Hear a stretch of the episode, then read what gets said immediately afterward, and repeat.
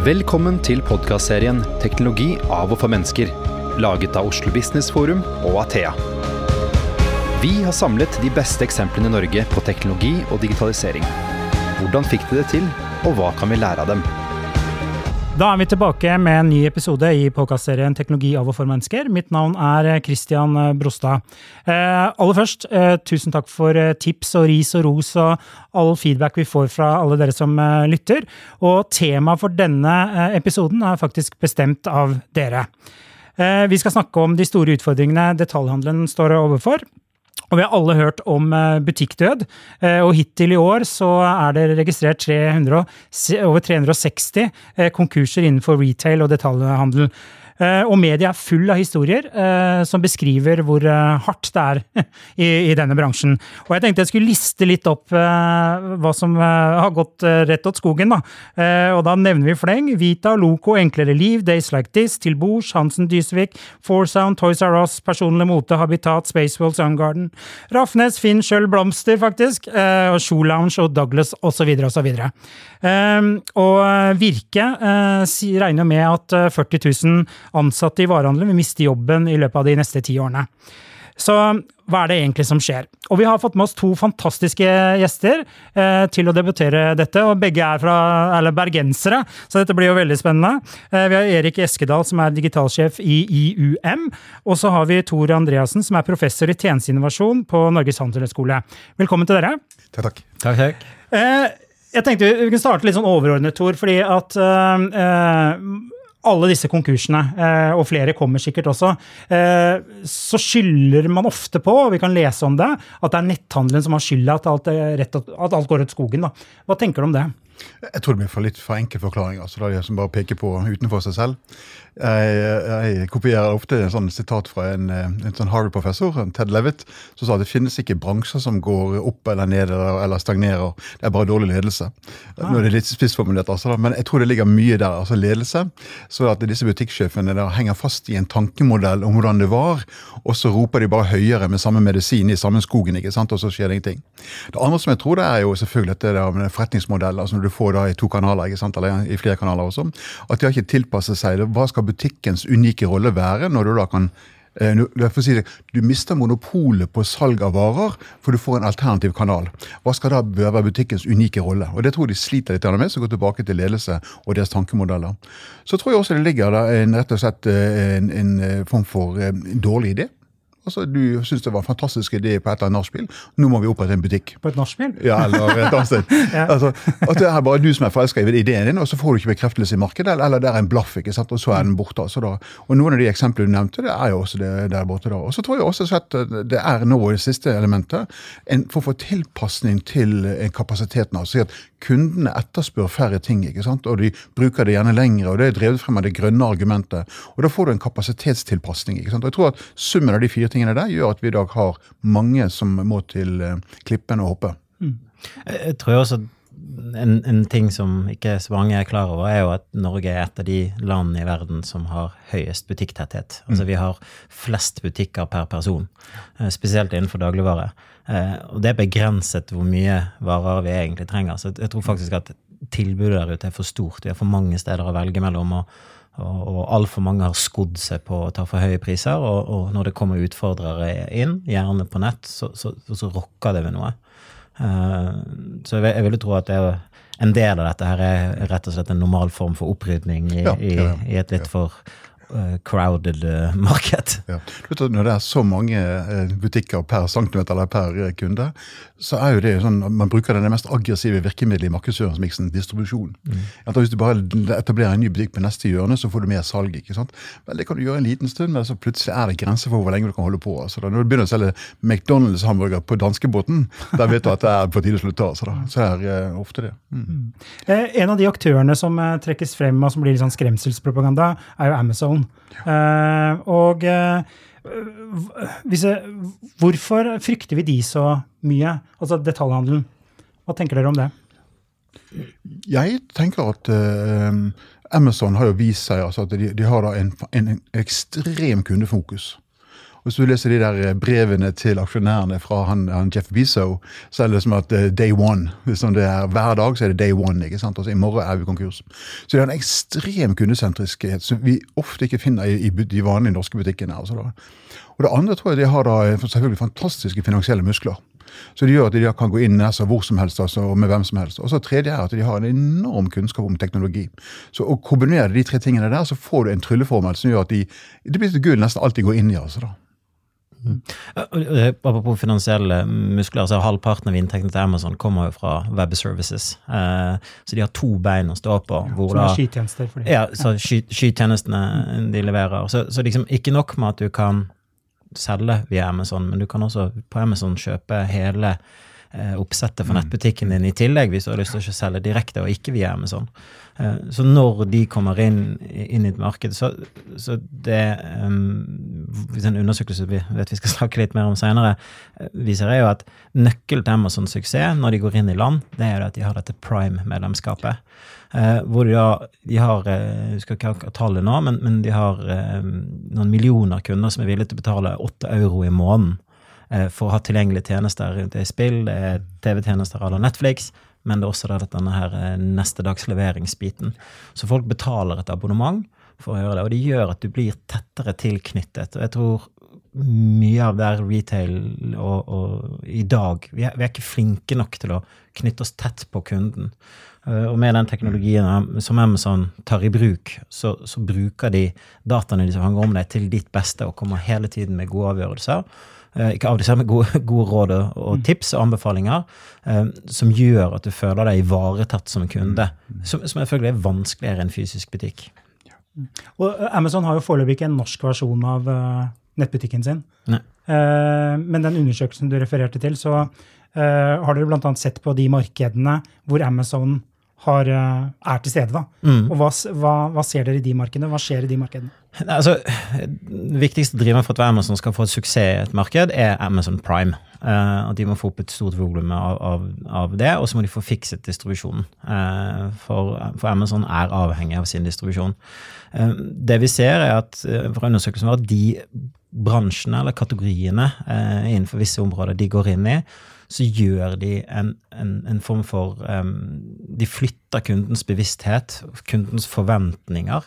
Uh, så når Amazon gikk inn i Tyskland for ti år siden, uh, så skjedde det noe med retailerne. De var nødt til å modernisere seg, de var nødt til å tenke teknologi. Um, og, og, og tvinge seg da til å skjønne at kundereisen blir annerledes. Eh, både i Tyskland og i, England, som når vi sammenligner Amazon med, så sammenlignes med de to landene for de nærmest eh, Norden. Eh, så ser vi at der Google er starten på enhver shoppingreise, shoppingreise til vanlig i alle andre land, når Amazon kommer, så blir Amazon produktoppslagsverket. Mm, mm, mm. Så, så, så, skal du, vet, kjøpe noe, så starter du på Amazon, ikke på Google. Mm, mm. Så liksom, eh, når du skal kjøpe noe der, så går du inn og så fysisk så leter du opp produktet. For da vet du hvilken pris du kan forvente å få. Og det, det er veldig spesielt. Det er en endring av brukeratferden. Mm. Men hva gjør virksomheter da? Skal de putte produktene sine inn i Amazon-systemet? Eller skal de ha egen nettbutikk? Altså er nettbutikk Altså, Du må jo få solgt varene dine ja, online, men eh, hva, hva, gjør det, da? Det, det var jeg. Uh, altså det vi, vi, eh, når vi snakker med våre kunder, så er det at man må forberede seg på det man kan kalle en Amazon-strategi. Uh, og da må man finne ut liksom, hvilke produkter kan man eventuelt selge via Amazon. Uh, eller hvilken, hvilke produkter skal man ta ut av Amazon, altså selge utenom selv. Um, fordi at det er visse produkter man kjøper mer enn en, en andre eh, på, på steder som Amazon. Um, så det blir en sånn eh, strategisk tenkning om uh, fight it eller join it. Uh, og så tror jeg mm, det ligger midt imellom et, et sted. Mm. Jeg, jeg vil si uh, fight it. For hvis, okay, du, hvis, hvis, du legger Bare for å være litt sånn, mm. Eh, litt sånn eh, for litt eh, dynamikk. Men hvis du kjører butikken din gjennom Amazon, så sitter de med alle kundedataene, alle prisene dine, alle kalkylene dine. Og de bygger opp altså sier alle dataene, alle forståelsene av deg og butikken din. ikke sant? Da, og, og, de bruker det mot deg. Mm. Og når de sier det, så var det en stund tilbake så var det da annet Target. som da, så, Hva skal vi gjøre? Skal vi bygge opp en egen e-commerce selv, eller skal vi kjøre gjennom, gjennom eh, Amazon?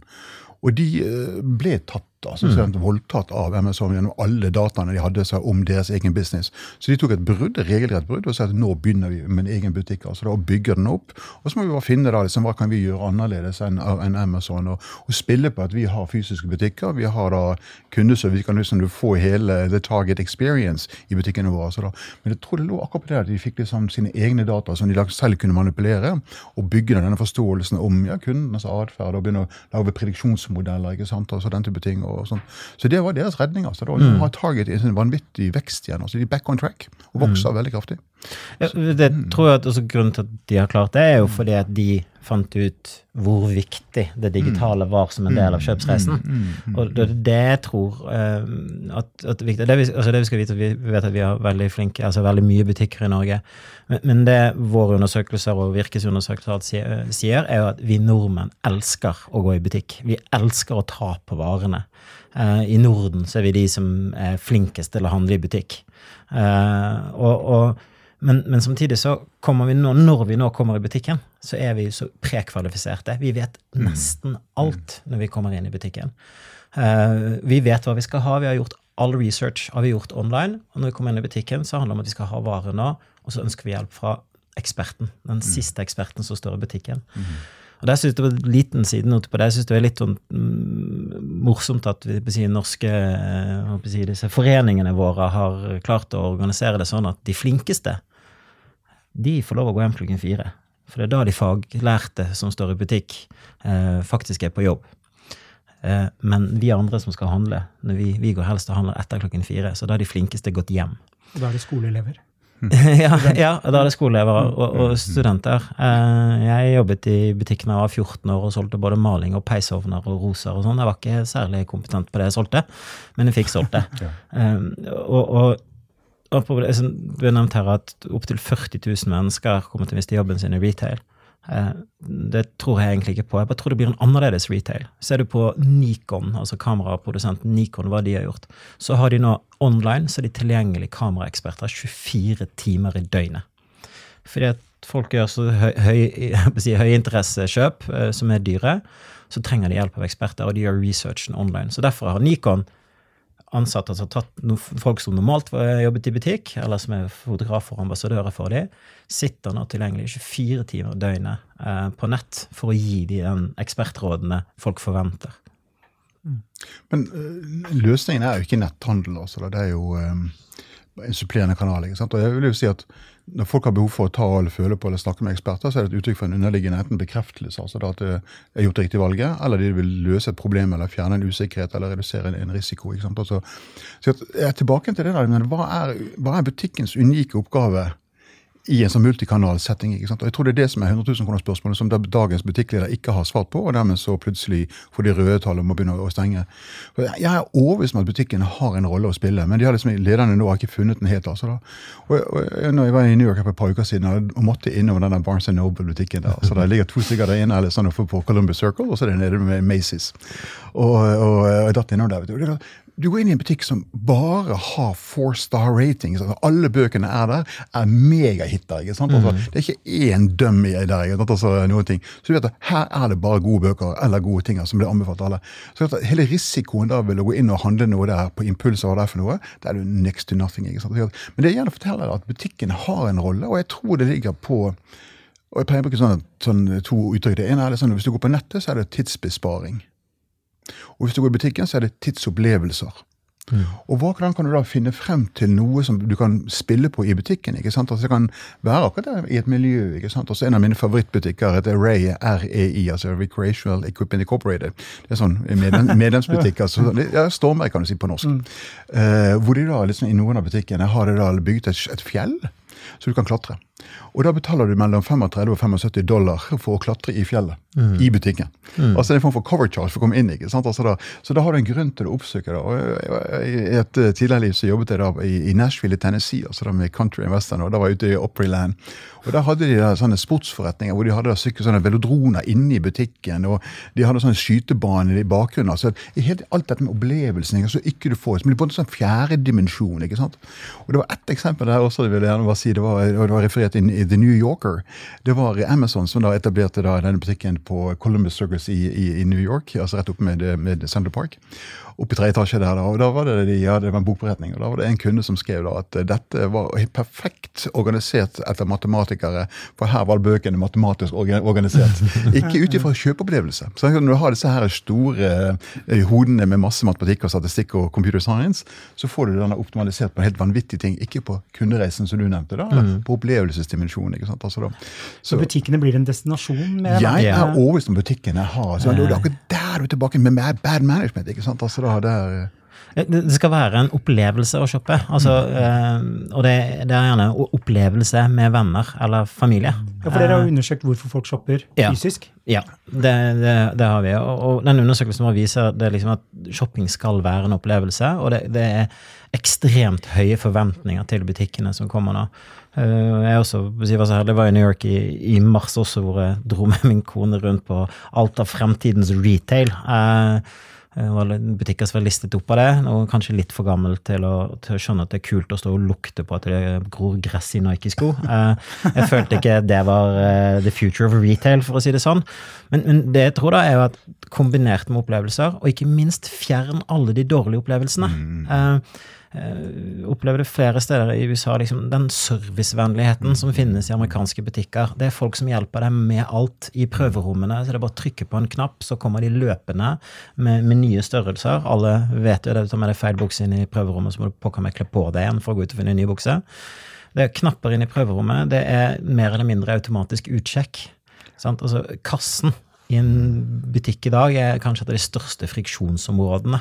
Uh, uh, og så kan man jo selvfølgelig si at i USA, hvor, hvor, kostnaden per ansatt er ekstremt lav, så det er mye lettere å ha mange flere butikker. Men, men det å, å, fjerne all friksjon som finnes i en butikk, det å stå og vente på størrelser, det å uh, måtte leite seg frem til ditt og datt, sammen med en god mm. opplevelse. Mm.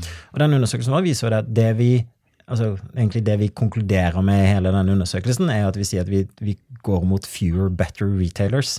Uh, det blir færre, som, altså færre butikker, men de som er der, vil bli mye bedre. For det, det folk forventer, det er de vil ha det beste fra nettet inn i butikken, mm. og de vil ha det beste fra butikken inn på nettet. Mm. Så vi vil ha fagekspertene på nett. Godt sagt, godt sagt. Og Eh, de vil ha muligheten til å sjekke hva heter det for anbefalinger, reviews av mm, produkter mm. mens de er i butikken. De har lyst til å kanskje ikke gå rundt og lete etter produktene, men kunne scrolle litt. Grann. Uh, uh, og jeg tror at de som klarer å løse det, uh, altså ta det beste fra online inn i butikken og det beste fra butikken online, de lager en mye mer sømløs, uh, sømløs uh, kundereise. Mm. Og i dag med, med, med, teknologi som gjør at du kan si, automatisk checkout, hvorfor må du stå i kassakø da? Mm. Begge av dere bruker jo amerikanske eksempler. Mm. Betyr det at uh, dette får vi ikke til i Norge? Eller har du noen eksempler på altså, vi, vi har jo Ikea, altså, selv om det er svenske, men det er kanskje det beste eksempelet vi kan komme. Vi ser jo at de når vi, når vi, måler bedriftenes uh, altså innovasjonsevne, sånn som kundene opplever det, så kommer Ikea på topp i Sverige, i Norge, og i USA og i Finland altså med samme måleinstrument. ikke sant? Mm. Altså det er sånn som kundene opplever altså med innovasjon. Altså da. Og det er jo ganske interessant, egentlig, altså for det er jo et, et, en, kanskje en leverandør som er veldig opptatt av akkurat en forandring i de synlige tingene. Altså da. Så jeg tror det, det er det beste eksempelet. Så jeg synes også Stormberg har vært, vært flinke, men på en annen måte, gjennom mer sånn sosial innovasjon. Altså da, der. Men jeg har, jeg, har, jeg har, to eksempler som jeg ber at studentene mine øh, vurderer eller analyserer. når det gjelder, og Dessverre så er det utenlandske. Altså, men det er en sånn motstrømsretailer. Så det ene er Nordstrøm oppe i Seattle, og, som driver da øh, tekstil og klær for gutter, jenter, og damer og menn og osv. Og så er det da Trader Joe innenfor retail, altså varehandler. Altså da. Begge to tjener penger som om de driver trykkeri. Mm. Og det har liksom gått motstrøm. Men altså, Nordstrøm har satset på alt på service, som du sier. Altså, når all friksjon er borte. altså Hvis du kommer inn der og sier at du vil ha nye dekk på bilen din, så vil de ta de gamle dekkene dine og gi deg nye, selv om de aldri har solgt dekk. Uh, altså De er bare hysteriske på kundeservice. altså da. Det, det er liksom greia deres. altså da. Og det andre er Trader Joe. altså De har da valgt å gå inn i en varehandel som i Norge sliter med sånn 2% vekst ikke sant, og knappe marginer osv. de trykker penger. Fordi de har funnet annerledesheten. ikke sant? Også da, og mot alle odds så har de satt altså, de, de har tre ganger så mange mennesker på gulvet for å hjelpe kundene som en hvilken som helst annen konkurrent. Og likevel så klarer du å tjene penger på det. Så da Så jeg det er mulig å finne frem til disse trylleformlene hvor butikkene blir relevante. ikke sant? Altså Ikke du presser kundene dine opp på nettet. For jeg, jeg tror nettet er en sånn bekvemmelighetsfaktor. Og så er det da i butikken er en opplevelsesfaktor. Og, og nåværende ledere svarer ikke opp på den dimensjonen. ikke sant? Og så går de dessverre konkurs. Mm. Jeg vil trekke frem en si, merkevare som har gjort ting litt annerledes og endret seg. Norrøna, f.eks., mm. eh, har jo gått fra å mm. være mm. eh, helt avhengig av å selges gjennom eh, de ulike sportsbutikkene, men hvor de da én har tatt mye mer kontroll selv med å ha sin egen rene Norrøna store. Eh, de bygger et Norrøna community i de digitale kanalene og de opp, eh, åpner egne butikker. Um, rent, altså bare norrøne, uh, pluss litt ekstrautstyr som de vet at de ikke kan selge selv.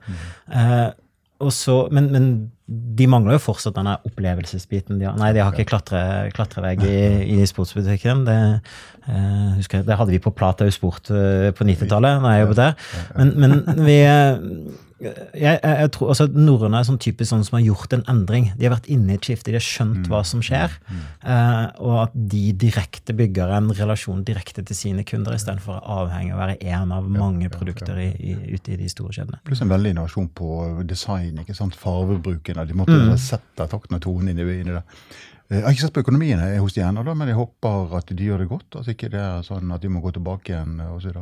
Um, ja, det, er jo, det, er jo, altså, det er jo spennende tider vi lever nå. Jeg, jeg, jeg du, ja, du ba oss forberede litt, tenke på hvilke retailere som gjør det. Jeg, jeg syns ikke vi har, i hvert fall ikke noen norske, som har kommet sånn kjempelangt.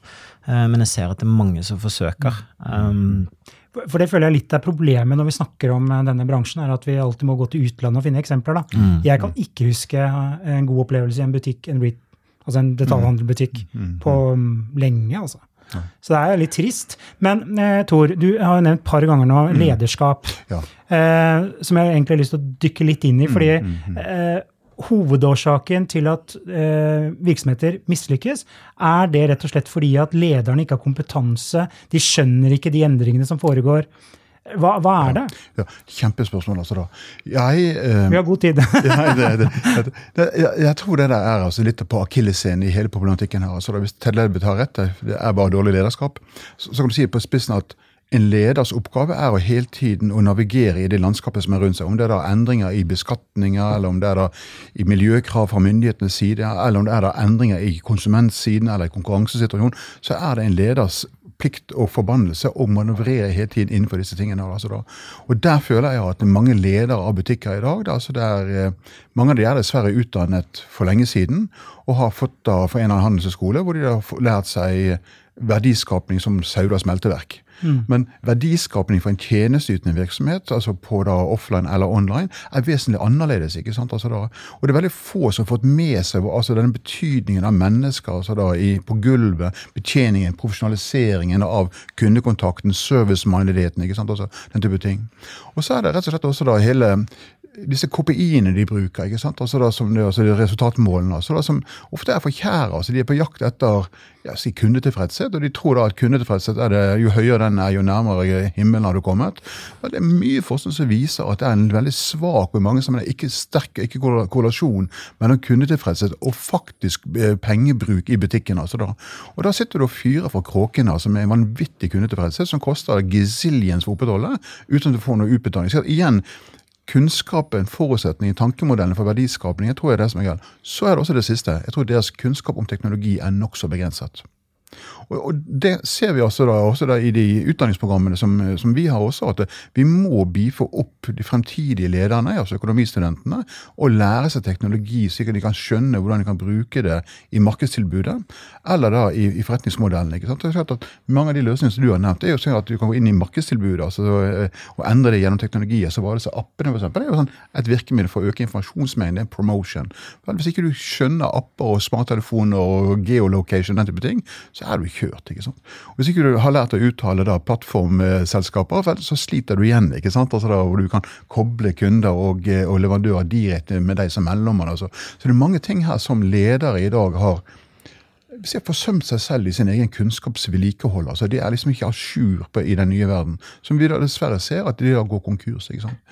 Um, så jeg altså igjen altså da i New York, så da Forever 21, en av de største konkurrentene til um, Hennes og Maurits, gikk ad undas på første klasse. Altså Fullstendig bom altså, si, på konseptet. Ledelse.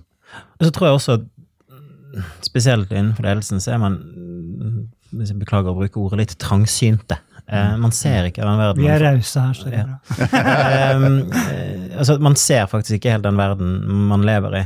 Um, fordi altså man snakker nå, spesielt innen retail, en bransjeglidning.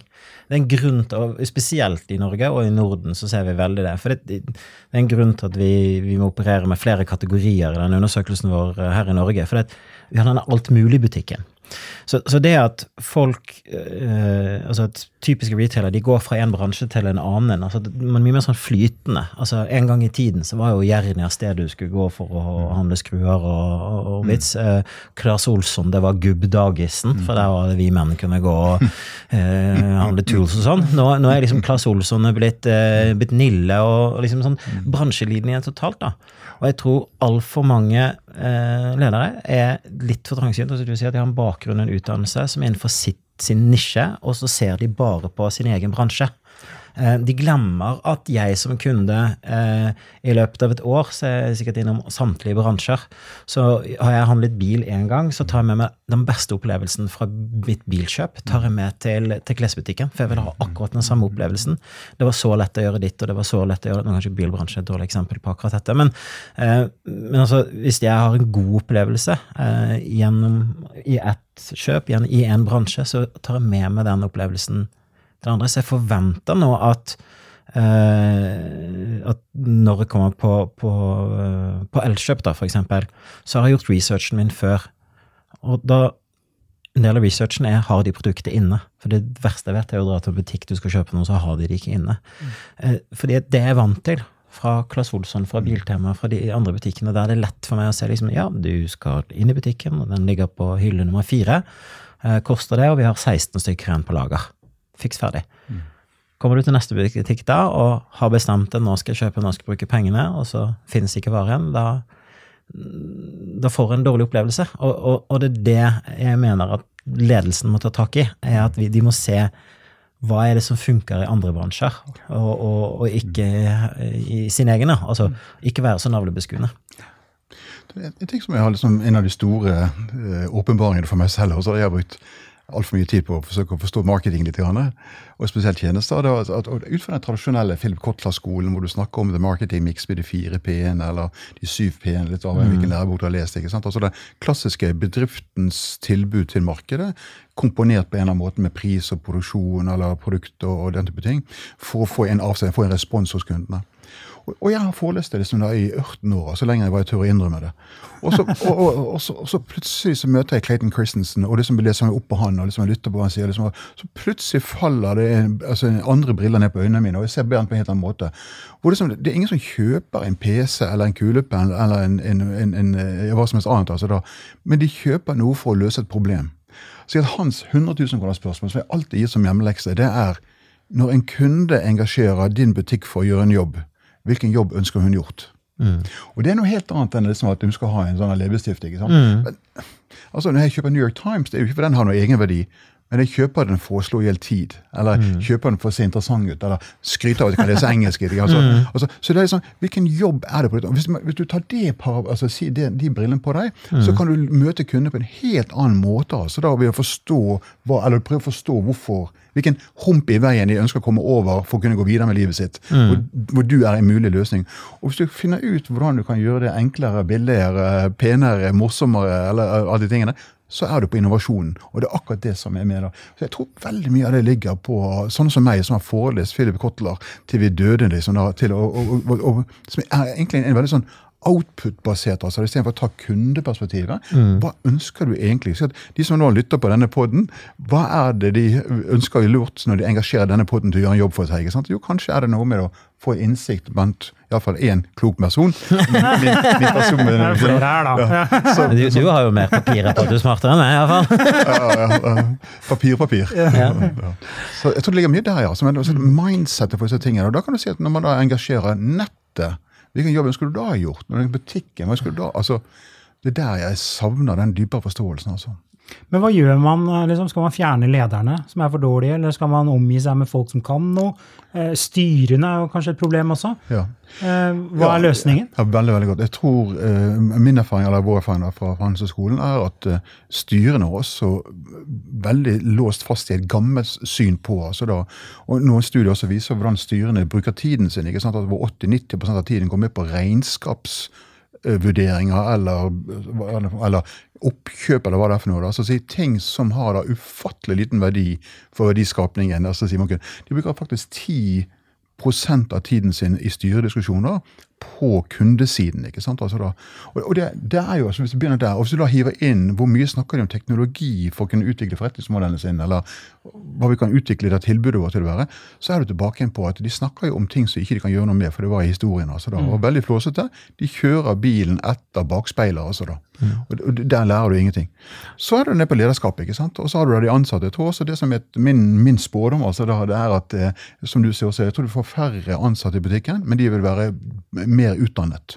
Så du vil få mye mer sånn rådgivende salg fremfor da tyggegummiene og ungdom etter klokken fire. Så, da, så det er liksom smarte folk, da. Men da må også handelen kunne ansette de med litt høyere kunnskap. ikke sant? Så at de, de blir rådgivende, tror jeg. Altså. For jeg tror alle liker å kjøpe, men de liker ikke å bli solgt til. Nei. Altså det en sånn veiledningen, altså da, et par ski, og du blir dratt igjennom, altså da, og da er du i hekta. igjen. Så tror jeg også at butikkene må kanskje da prøve å eh, lære av flybransjen, altså som da har strippet produktet helt ned til et sete. Og skal du bruke hattehyllen, så må du betale for det. ikke sant? Altså, Kan det være en mulighet for å dekoble hele produktet, slik at du betaler bare for den rene transaksjonen, og vil du da bruke prøve på eller bruke prøverommene? Altså, Kan de da unbundle og så da sette pris på enkeltelementer. Det er en veldig frekk tanke, men er det mulig? Eller en helt annen frekk tanke. Kan de gå til eksempel, og si at skal du liksom vise frem dine produkter i min butikk, så skal jeg betale for det.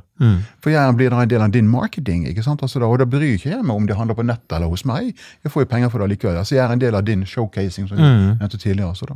Så jeg tror det, er, det er sånn tenking, altså hvordan hvordan henter du pengene dine, altså verdiene dine? Jeg tror det er der det ligger veldig mye. altså da, og annerledes. Så, eh, jeg tror du også nevnte dette med at eh, vi er så trent til å selge noe per stykke. ikke sant? Og så Kalkylene er basert på per stykke, og så nå får du det, og da får du eiendomsretten, og jeg får pengene dine. Vel, mye tyder på at folk går over på tilgang på modeller. ikke sant? Altså da Fremfor å eie, så vil jeg heller As a leie. service, ja. Ja, ikke sant? Altså, product as a service. ikke sant? Altså, da, og Det endrer hele prismodellen. altså igjen. Så, da, så jeg tenker på at Når vi snakker til studentene og ledere også da om, om eh, forretningsmodeller, så handler det om fire ting. Hvordan du skaper verdier, hvordan du eh, leverer verdier, hvordan du kommuniserer verdier, og hvordan du henter verdier gjennom da andre måter å tjene på. Sånn som Ryanair, jeg studerte litt, grann, altså, de, de taper faktisk penger på å frakte mennesker i flypri, altså flybillettprisen. Altså, de taper penger på det, men de gjør gazillions på kjøp av tjenester om bord i flyet. For da er de plutselig monopolister i en gitt periode. ikke sant? Costco, et annet selskap, du begynte å nevnte da med Amazon og Prime. Costco også en medlemsbasert tjeneste eller butikk i USA. De taper i retail, men tjener gazillions på medlemskapsbiten sin. altså da, da. Så, så det er andre måter å tenke på, ikke sant? Altså da, så du kan tjene penger på. Da kan du tape på noe, men tjene mye på noe annet.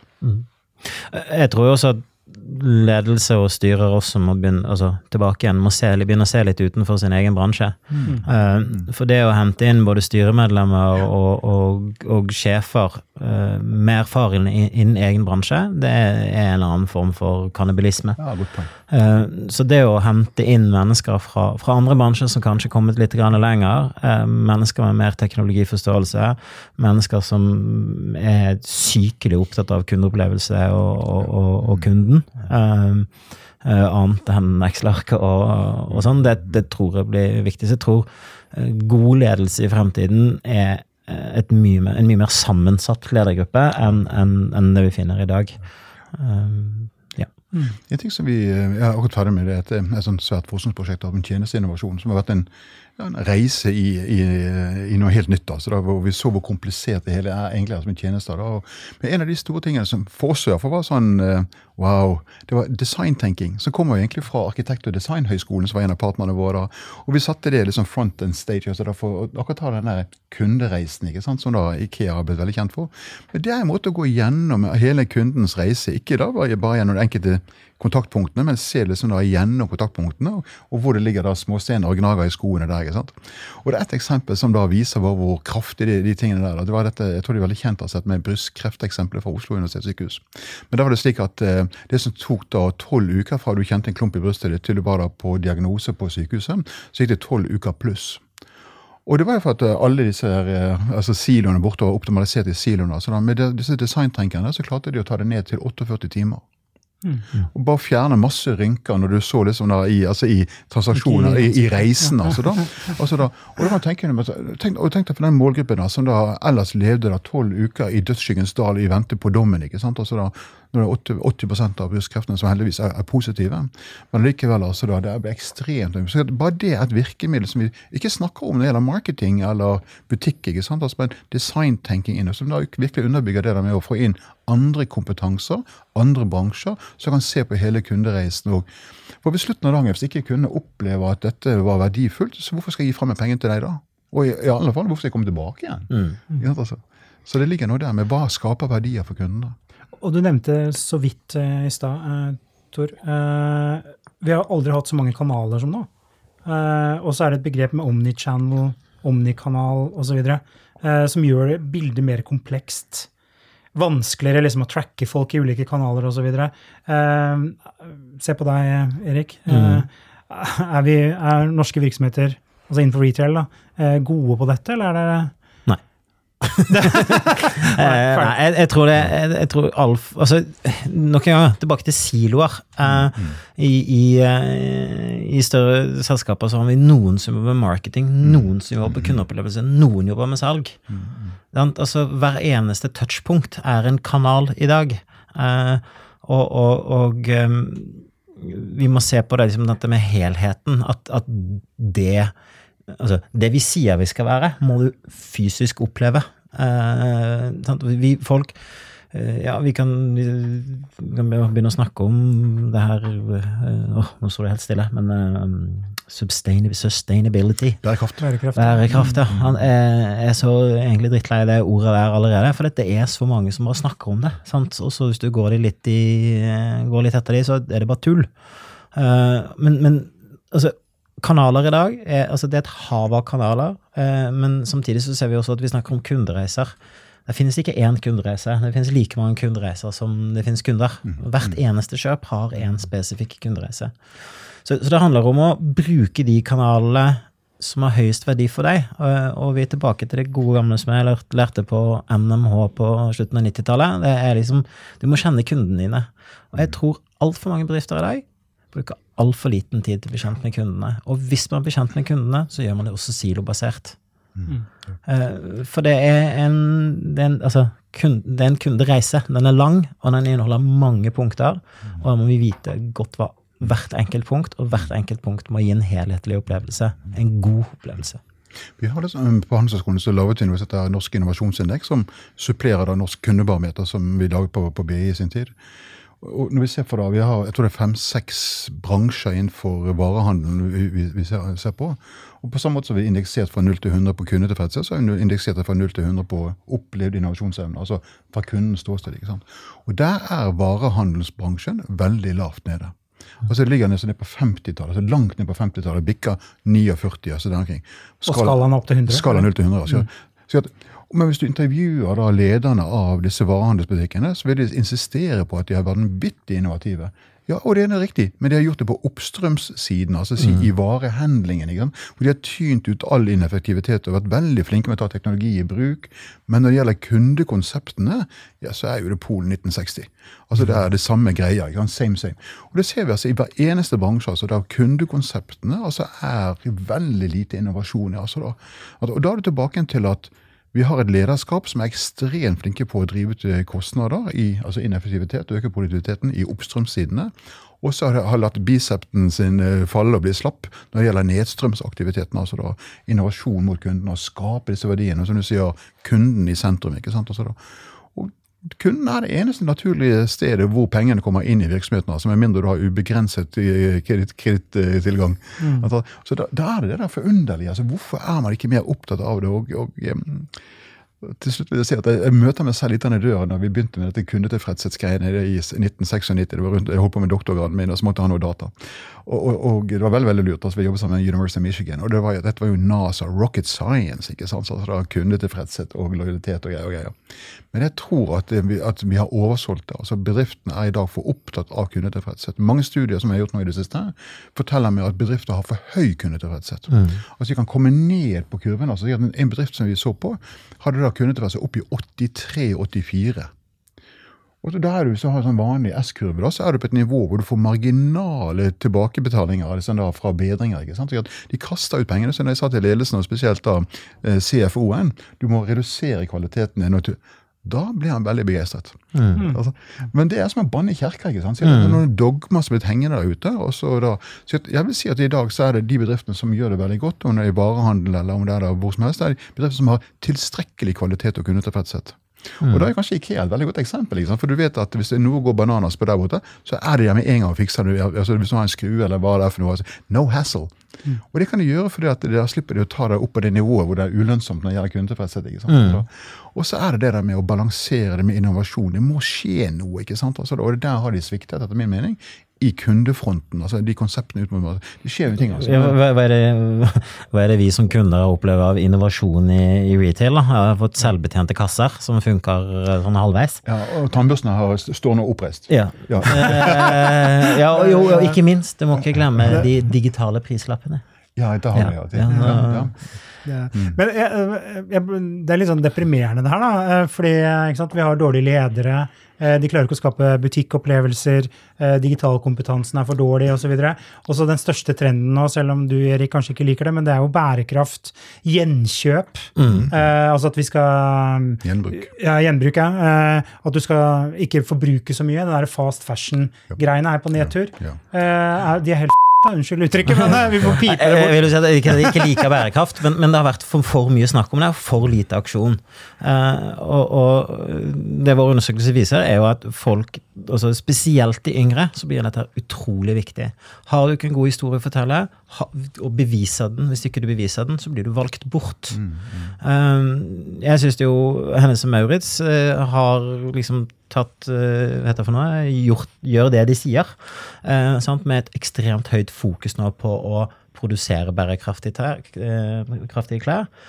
for Man kunne lett beskyldt dem for at ja, men hvis dere har innsamling av klær, så vil dere jo bare at vi skal kjøpe mer. Mm. Nei, vi, vi, samler inn fordi at vi gjør noe, vi bruker det på nytt igjen. Vi, de, gjør, de gjør det de sier, og de kanskje du skulle kanskje vært enda flinkere til å kommunisere hva de faktisk gjør. Men, men, men jeg tror at uh, det her kommer til å ha så mye å si fremover. Uh, nå har ikke jeg noe tall på det, jeg husker ikke hvem som sa det, men, men tallet viser nå at vi kjøper mindre. Vi, vi, vil ha ting som varer lengre. Uh, vi vil heller gjøre færre og klokere valg enn det konstante jaget. Ja. Det er mye, mye det, altså, absolutt. det. Du ser litt annet også der i eh, et eksempel som jeg bare snublet over. Filippa K. Eh, som da liksom Istedenfor at du kjøper disse plaggene, altså det er tekstiler for kvinner, istedenfor å kjøpe de, så kan du da leie de i fire dager for 20% av eh, prislappen. ikke sant? Og returnere tilbake igjen. Så da får du denne variasjonssøken. ikke sant, Altså da. så det ligger noe der, noe der altså at man vil bruke det lengre, man har variasjonsmuligheter og osv. Så er det også dette med delingsøkonomien. ikke sant? Altså, det, det, er noen underliggende trender. Fjong på klær, f.eks. Mm. Ja, ja, ja så, det er, så det er noen underliggende golfstrømmer altså, altså, blant de unge uh, som går på at uh, De vil ha variasjon, men de vil men ikke eie det. ikke sant? Altså da, og, de, og vil de bruke det igjen, og, så videre. Og det tyder på at man tar ned konsumet sitt. ikke sant? Altså da, og det er kanskje der vi ser nå at, at eh, noe av konkursene er ikke bare bad management, altså det er litt bad luck også, men det er altså en tilpassing av kapasitet. Altså I en periode hvor det var bare å, å hive ut butikker, så er det nå liksom å ta de tilbake igjen altså da, og, og, redusere størrelsen. Og så finne da liksom, hva skal butikkens rolle være. ikke sant? Mm. Du finner balanse mellom ja, standardprodukter på nett, og så har du spesialprodukter på, i butikken. Ikke? Hvor du trenger råd, eller du vil redusere risikoene. Eller det kan være noe sånt som altså, du ønsker å ha det med deg umiddelbart. ikke sant? Altså, jeg må ha det nå. Mm. Eh, da er det ikke så mange løsninger i Norge hvor du får det på dagen. ikke sant? Altså, da må du, men Jeg, jeg tror at det, det er to ord, dessverre engelsk, eh, som si, butikker i dag må tenke på. Det er convenience. eh, bekvemmelighet på norsk. Takk. Bekvemmelighet. Og, eh, eh, og, og community. Altså det å for de to tingene der gjør at du kan skape opplevelser. Eh, det fins nok en gang et utenlandsk eksempel, men Northface Store i London er et sånn typisk eksempel på det. Jo, de selger produkter. De har bygget hele butikken sin så du føler du går inn i naturen. Men nede i kjelleren der er det skap, så du kan komme og legge fra deg jobbantrekket, og så kan du være med på joggeturer arrangert av butikken. Um, der er datinglapper, så du kan finne joggepartnere. Der er altså alt mulig. De har, klart, de har klart å lage et miljø, da, sånn at folk kommer inn i butikken og opplever butikken på en helt annen Spennende. måte. Spennende. jeg vet at det finnes noen eksempler i Norge som har begynt å prøve det. Altså, de, de, de lager sånn klubbkveld i butikken. Eh, ikke for at folk skal handle, men for at folk som har de samme interessene, eh, skal henge sammen. Og interessen har noe med konseptet sitt å gjøre. Eh, eh, ja, jeg tror eh, convenience og community, eh, bekvemmelighet og altså, opplevelsesdimensjonen. ikke sant? At Vi ser en masse som bruker lokalene sine på en mye mer effektiv måte, hvor en del av lokalet er til salg eller kjøp av eller rådgivning av produkter. Og så kan du ha anvendelse i bakkanten. ikke sant? Altså Det kan være da et kjøkkenredskap. mm. Kokeklasser i bakkant på kveldstid. Altså, hvor du lærer deg å bruke disse tingene. Så, så det er litt det som du sier, at man skaper da en aktivitet rundt på produktene. ikke sant? Altså, da- Og det er betalingsvillighet for det også, så du ja, det er det. altså, å Altså. gi det bort. Ja, nei, det er betalingsvillighet for det. Altså, det, det, er, det er akkurat det som er det interessante. Eh, Opplevelser er folk villige til å betale. Det kan være at jeg gir det som en presang, ikke sant? Mm. Da, og så videre. Eh, opplevelser. Så det, ja. Tor, du har sagt det, for I min research her da, så syns jeg en setning Du sier jo mye klokt, da, men eh, det er, det er en setning som står litt ut for meg. Uh, og det siterer da, som du tydeligvis har sagt, som du sier, nekter hvis du ikke har sagt det. Eh, kvalitet er en billett for å kunne delta i markedet, mens innovasjon gjør at du blir i markedet. Godt sagt. Ja! hva, uh, du, hva, hva ligger det i det? Hva er det du egentlig mener? Ja. Det går litt, litt tilbake til det jeg, jeg prøvde å si i sted. altså at Forventningene til kundene er at jeg vil bli tilfreds. Produktet vil fungere. Bilen vil fungere. altså produktet, altså klær, eh, Klærne vil fungere. altså De vil gi meg den tilfredsheten. Vi tar for gitt. Og det er inngangsbilletten. Ticket to play. Også, men for å bli værende i markedet, så- må du innovere og utvikle deg. ikke sant? Altså da, og da ligger det innovasjonselementet, og det er ticket to stay in the market. Altså da. Så det, det er sånn billige one-liner som da, no, Ja, noen, noen, noen, ledere liker Da. Altså, men, men jeg tror det ligger veldig mye i det, for da balanserer du nemlig da at du må ha et visst nivå av kvalitet og kundetilfredshet, men du trenger ikke å makse det. Og så må du ha da denne med innovasjonsbiten. Altså da. Og det går litt tilbake til denne forskningen vi, vi har gjort, altså da, som, som balanserer disse to tingene. for at Konklusjonen er at tilfredshet mister litt av sin betydning til å forklare fremtidig kjøpsatferd. Når vi trekker inn innovasjon og opplevd innovasjonsevne, for da får du frem relativ attraktivitet. Slik at et produkt eller et konsept blir relativt attraktivt i kraft av at du innoverer, gitt at du har kvalitet. Og da er det attraktiviteten som bestemmer at jeg vil kjøpe deg og ikke konkurrenten igjen til neste gang. Og da er det over i økonomibiten. Og da bryter vi litt med den gamle regler med kvalitet, kundetilfredshet, lojalitet, penger. Nå får du inn innovasjonsevne, attraktivitet og lojalitet, penger. også da. Så de to rutene må balansere. Derfor har du ticket to play, ticket to stay. Mm. Bare et eksempel som detter ned i hodet på meg. DNB DNB har jo forferdelig dårlig kundetilfredshet hele veien. Yes. Men kundene forlater jo ikke Nei. banken. Nei. Har det noe med det du sier? Yes. Og jeg tror også det er en god porsjon kynisme. Altså Jeg har eh, nok eh, vært, eh, vært litt slem i munnen overfor DNB. Som litt, de ligger på kundetilfredshetsmålingen. Allerede fra 97 så lå de i bunnen av klassen. ikke sant? Og de bare ligget der Og ligget der. Og jeg tror ikke de er dumme, men jeg tror de er kyniske. Og Hva vil det koste av investeringer å løfte seg fra 66 til 76 eller 86? ikke sant? Det ville koste det hvis du er igjen tilbake til dette med lønnsomheten, return on quality. Så har de sagt at Nei, vi ligger hvor vi ligger, for vi får ikke noen kundeavganger likevel. ikke sant? Så kan disse her akademikerne hyle og skrive og rive seg i tupeen så mye de vil, men det spiller ingen rolle. ikke sant? Altså da, de ligger der og bare ligger der. Og det, det tror jeg er helt riktig. Helt riktig, helt kynisk vurdering altså da på at vi mister De aller fleste, jeg tror det er 12% kundeatferd, eller exit, i Norge på årsbasis i banktjenester. Gjennomsnittlig kunderelasjoner er 17 til 20 år. Så da har jo kundene gått over i zombietilværelse. ikke sant? Altså da, ja. Ja, det er bra. Eh, jeg tenkte vi må snart eh, runde av. Vi har holdt på lenge, dere snakker mye. Det er kjempeflott. Eh, men en sånn enkelt eller vanskelig spørsmål. Vil butikken overleve, og hvorfor? Erik? De butikkene som klarer å tilpasse seg den verden vi lever i, tilbake igjen til ta det beste fra, fra nettet inn i butikken, og det beste fra butikken på nettet. Så det er ikke snakk om noe enten-eller lenger. Har du butikk, så må du være tilgjengelig på nett. De som klarer å løse det på en god, på god måte, de har all rett til å overleve. Og vi nordmenn elsker butikker, og vi elsker å ta på ting, så ja. Klarer du det, så, så har du all rett til å overleve. Jeg mener også det samme. Altså, jeg mener Butikken absolutt har sin rett. Altså, det er også, beviset ligger i rene nettbutikker som Warby Parker eller eh, Bonobos eller Amazon eller hva det er for noe. Eh, lander på bakken med egne konsepter, butikkonsepter. ikke sant? Altså, da, så det er noe med butikkene som da du ikke får i luften. sånn da, og Det kan være noe så enkelt som at en, en branding-diskusjon er som at The Amazon Experience, det får du på bakken. Warby Parker, det er briller. Eh, og Jeg var inne i San Francisco på Union Square der, i, på, hvor de har en butikk. Og jeg har fulgt det ganske lenge. Og, da, og når du kommer inn i en brilleforretning, det er litt sånn men, men der var det energi! Unge liksom, da, og, og, De har en spesiell design.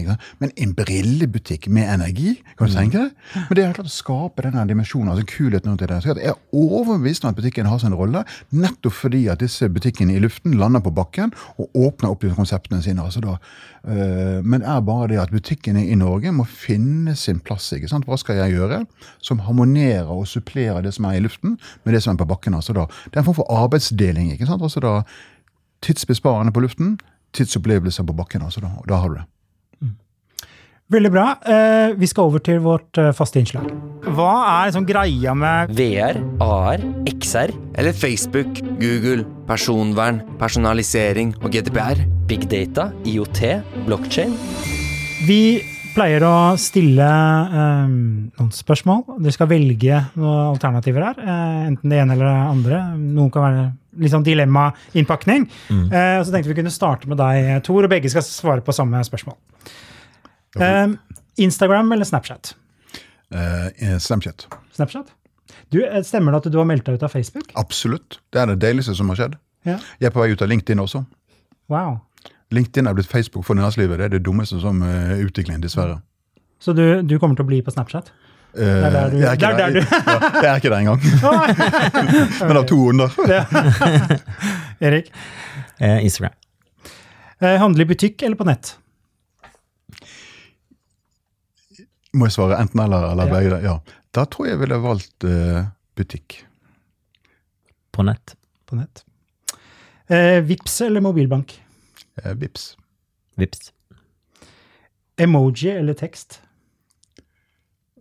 Jeg, jeg er jo trent i å skrive, så jeg må jo si tekst. Ja, bruker du emojis? Jeg gjør det. Det det. Men, men jeg hører at det er ganske teit. Ok. Ja. Tekst. Tekst. Ja. ja. Eh, eiebil eller leiebil? Nå er jeg svart skyldig. altså da. Jeg pendler ut til Bergen og har bilen min står liksom eh, på parkeringsplassen fire dager i uken. Så jeg burde absolutt vært på, leie, på leiebil. altså da. Men jeg er så gammel og tror at det er godt å eie litt også. da. Så jeg er svart, jeg er svart skyldig. Jeg burde sagt eh, leiebil. altså da. Nabobil, absolutt. Jeg heier på nabobil. Jeg er så bilnerd det at det må jeg. Du må eie. Ja. Ja, det må jeg gjøre. Ja, Det er. Um, sjette. Uh, ringe eller sende meldinger?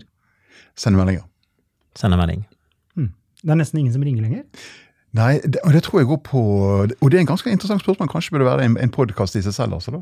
De unge for, syns det å ha en dialog blir for, uh, blir for grovt. Det blir for upolert. Og det blir for øh, kognitivt belastende. De vet ikke hva som kommer. Men når jeg kan tekste, så kan jeg liksom polere den og vise den til Erik. Tror du dette her funker? liksom da? Og så sender de. Uh, Cheryl Turkle på MIT gjør fantastisk arbeid innenfor dette området her, som er nokså deprimerende. Så det må vi ta en annen podkast på. Ja. Ja, jeg er også klart på tekst, for da kan man svare når det passer. Så det er ikke noen forventninger om når- Transaksjonskostnadene. Ja. ja. Um, Lineær-TV eller streaming? Jeg tror jeg er på streaming. Hva er det du ser? Nei, Når jeg sier det, så er det fordi jeg er på analog-TV. Altså, Ja. Men jeg merker at jeg begynner å, å falle ut mer og mer. altså sier hva folk snakker om. og så, altså Seriene som de ser på, det har jeg, merker jeg at det får ikke jeg med meg. Jeg vet ikke hva de snakker om, eller hva de holder på med. Og så lurer jeg på hvordan får de, får de tid til å se på dette greiene her. Altså, da. Men eh, hvis- Jeg håper ikke min kone hører dette, men jeg skulle ønske jeg hadde streaming. Og du har ikke abonnement på Jeg får ikke, får ikke lov. Får ikke lov! Herregud. Nei, her, her, er det, her er det streaming. Eh, Jeg og kona har kastet ut analog-TV for syv år siden. Eh, Så eh, vi eh, klarte rett og slett ikke det å, ha, å se på TV til et fast sendeskjema. Eh, Barn og barna så ikke så mye på TV heller, så det noe, de tok ikke hensyn til at eh, Er det paden som er iPaden som er Nei, vi har TV. Eh, Vi har TV-en, men den er ikke koblet til noen analoge signaler. Den er koblet til Apple TV-en. Du kan jo se Dagsrevyen i opptak og sånn, da. Ja, ja. Ja, og jeg syns NRK er helt magisk Ja. eh, på nett. Så, så det, det er streaming. Alt. Bra. Så har vi tre igjen. Eh, eget kamera eller mobilkamera? Jeg har prøvd begge to, men jeg er på mobil. Jeg syns de kameraene blir bare bedre og bedre. Erik? Jeg syns den er kjempevanskelig, for jeg har ni kameraer. Uh, Ni kameraer. Speilreflekskamera. Jeg har bare ett speilrefleks, men så har jeg ørten GoPro og action, ulike actionkameraer. Okay. Eh, Men eh, det er jo mobil jeg bruker til å ta bilder med, for den er alltid med. Eh, Så det å drasse med seg den speilreflekssekken, den jeg tror den er lagt i kjelleren de siste tre årene. Det er 1980. Bekvemmelighet. Ja. Eh, neste, nest siste. Eh, det er bare ett svar, rett svar. Bare så du vet det. Radio eller podkast? Jeg har oppdaget podkast, det er den eh, deiligste som har skjedd siden oppskåret brød. Mm. Og favorittpodkasten din er? Det det er flere, eh, to-tre stykker, da. så Jeg lytter på jeg er sånn nyhetsjunkie. Altså, da, men uh, Dailies fra da, New York Times og Washington Post sin Post. Og så har jeg liksom uh, han Malcolm Gladwell har begynt å istedenfor å skrive, så driver han driver nå et par veldig gode podkaster. Så de følger jeg hver dag. Bra tips. Erik? Jeg, er, altså, jeg må gjerne at jeg hører mest på radio, fordi det er for sjelden jeg føler at jeg har lange nok pauser til å få hørt på podkast. Men elsker å kjøre bil, og så lengre bilturer, da er det alltid podkast. Da spørs det jo hvem jeg sitter i bil med. Sitter jeg alene, så er det ofte denne podkasten og andre teknologi, teknologi- og marketingpodkast. På, på tur med familie så er det veldig ofte krimpodkaster. Så, så det, det er nok podkast. Og så er det litt gammel radio, radio og gammel vane, men det er jo alltid via det er jo via streaming. Ja, ja, ja. Det det er en podkast som jeg også har stor glede av å høre på. Det heter Freakonomics. Ja. Det er litt sånn er litt rare økonomiske fenomener, altså, men de er veldig veldig proffe. Mm. så nå, ja. Siste. Eh, nyeste mobil eller bytte når den ikke funker lenger? Nå får jeg kjeft hjemme. altså. Jeg er tech-freak, altså. Jeg, finner, jeg, pleier å si til kona at eh, fastlegen sier at jeg må ha den nyeste mobilen. Og hun går på? Ja. Ja, men det tror jeg er viktig. Jeg tror det er viktig altså. Bare, eh, det er litt av det at du må, liksom, du må prøve ut det siste, prøve ut det nye. Hva, betyr det? Hva er det for noe? sant? Altså, koster det noe penger, selvfølgelig. Altså, men det er en måte å holde seg à jour på. synes jeg. Liksom. Og igjen, du må liksom leke med og prøve med. Altså, da, det, og spesielt, men Du er jo født inn i teknologien. Jeg er jo bare en, en innvandrer i teknologien. Ikke? Men det å holde seg à jour på de greiene der, altså se funksjonaliteten og dra ned apper, prøve de ut og hive de ut og bare leke, kjør på, altså. Jeg, jeg, jeg er ofte en, jeg er en gadget guy. Jeg, jeg er også det, så, så jeg har hatt den holdningen uh, om å kjøpe ny minst én gang i året. Uh, men eh, nå, som Apple-fyr, så er det faktisk litt skuffende å kjøpe ny mobil hver- hvert år, føler jeg. Eh, Enig med deg. enig med deg. fordi det er jo, du bare skrur den på, og så taster du inn noen koder, og så tar det en time, og så er den helt lik den gamle. Eh, så nå er jeg på den, ikke til den går i stykker, men til den begynner å bli treg. Og det er nå, nå er det fortsatt, fortsatt halv- halvannet år, da. Så Nå kommer jo 5G, da er neste versjon i 12. Ja, 12. vi får se. Mm. Kjempebra. Tor og Erik, tusen takk for at dere ville være med, og tusen takk til deg som lytter på. Du har nå lyttet til podkasten 'Teknologi av og for mennesker', laget av Athea og Oslo Business Forum. Følg oss i sosiale medier og på nettsiden vår athea.no. slash podcast. Vi setter utrolig stor pris på om du gir podkasten en vurdering i iTunes.